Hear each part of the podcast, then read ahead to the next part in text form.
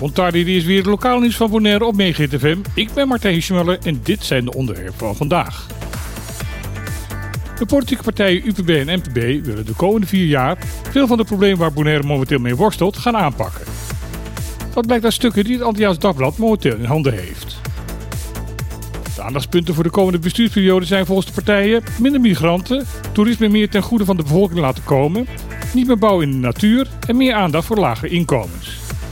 Daarnaast wordt in de intentieovereenkomst die tussen de partijen is afgesloten gesproken over openbaar vervoer, een basispensioen voor iedereen op Bonaire en betaalbare huisvesting. Ook duurzaamheid en armoedebestrijding staan op de agenda. Uit het stuk blijkt ook dat elke partij een eigen ondersteuningsgroep zal gaan samenstellen. Deze zal tijdens de onderhandelingen, maar ook de komende vier jaar, de eigen gedeputeerden gaan helpen en adviseren. Het is de bedoeling dat voor 30 april, die er komt, een nieuw bestuurscollege voorgesteld kan worden.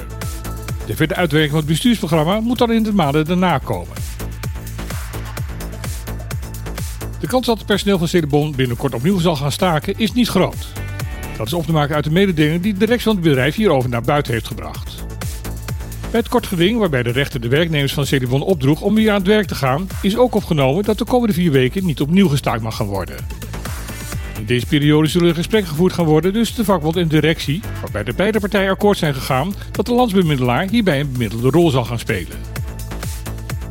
Cedebon zegt dat op dit moment de opgelopen achterstanden in de vuilophaaldienst worden ingehaald, waarbij de kwetsbare plekken zoals vliegveld, ziekenhuis, hotels en restaurants voorrang krijgen. Eind deze week hoopt het bedrijf dat het ophaalschema weer genormaliseerd zal zijn. Adviseur van de vakbond AFBW, Ewald Abbedoel, noemt de directie van Cedibon ondertussen te kwade trouw. Volgens hem strookt de berichtgeving van Cedibon niet met de waarheid. In haar persbericht stelt Cedibon dat ze het kortgeding tegen de werknemers zou hebben gewonnen. Volgens Abdul heeft de rechter geen vonnis gewezen, maar de partijen teruggestuurd naar de onderhandelingstafel. Abdul zegt dat de vakbond vecht voor een nieuwe en gezonde organisatie waar medewerkers zich gewaardeerd voelen. Het is nog niet te merken aan de hoeveelheid toeristen die via vliegverbindingen naar ons eiland komen, maar de prijs van vliegtickets is het afgelopen jaar extreem veel hoger geworden. Volgens de laatste cijfers van het Centraal Bureau voor Statistiek moet de reiziger op dit moment ruim 45% meer betalen dan een jaar geleden. Wel is aan de cijfers te zien dat de stijging de laatste maanden iets aan het afvlakken is.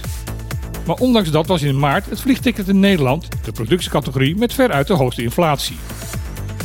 Het afgelopen jaar is ook de vraag naar tickets enorm gestegen de laatste coronaverperkingen wereldwijd zijn opgeheven, wil de toerist er duidelijk weer op uit.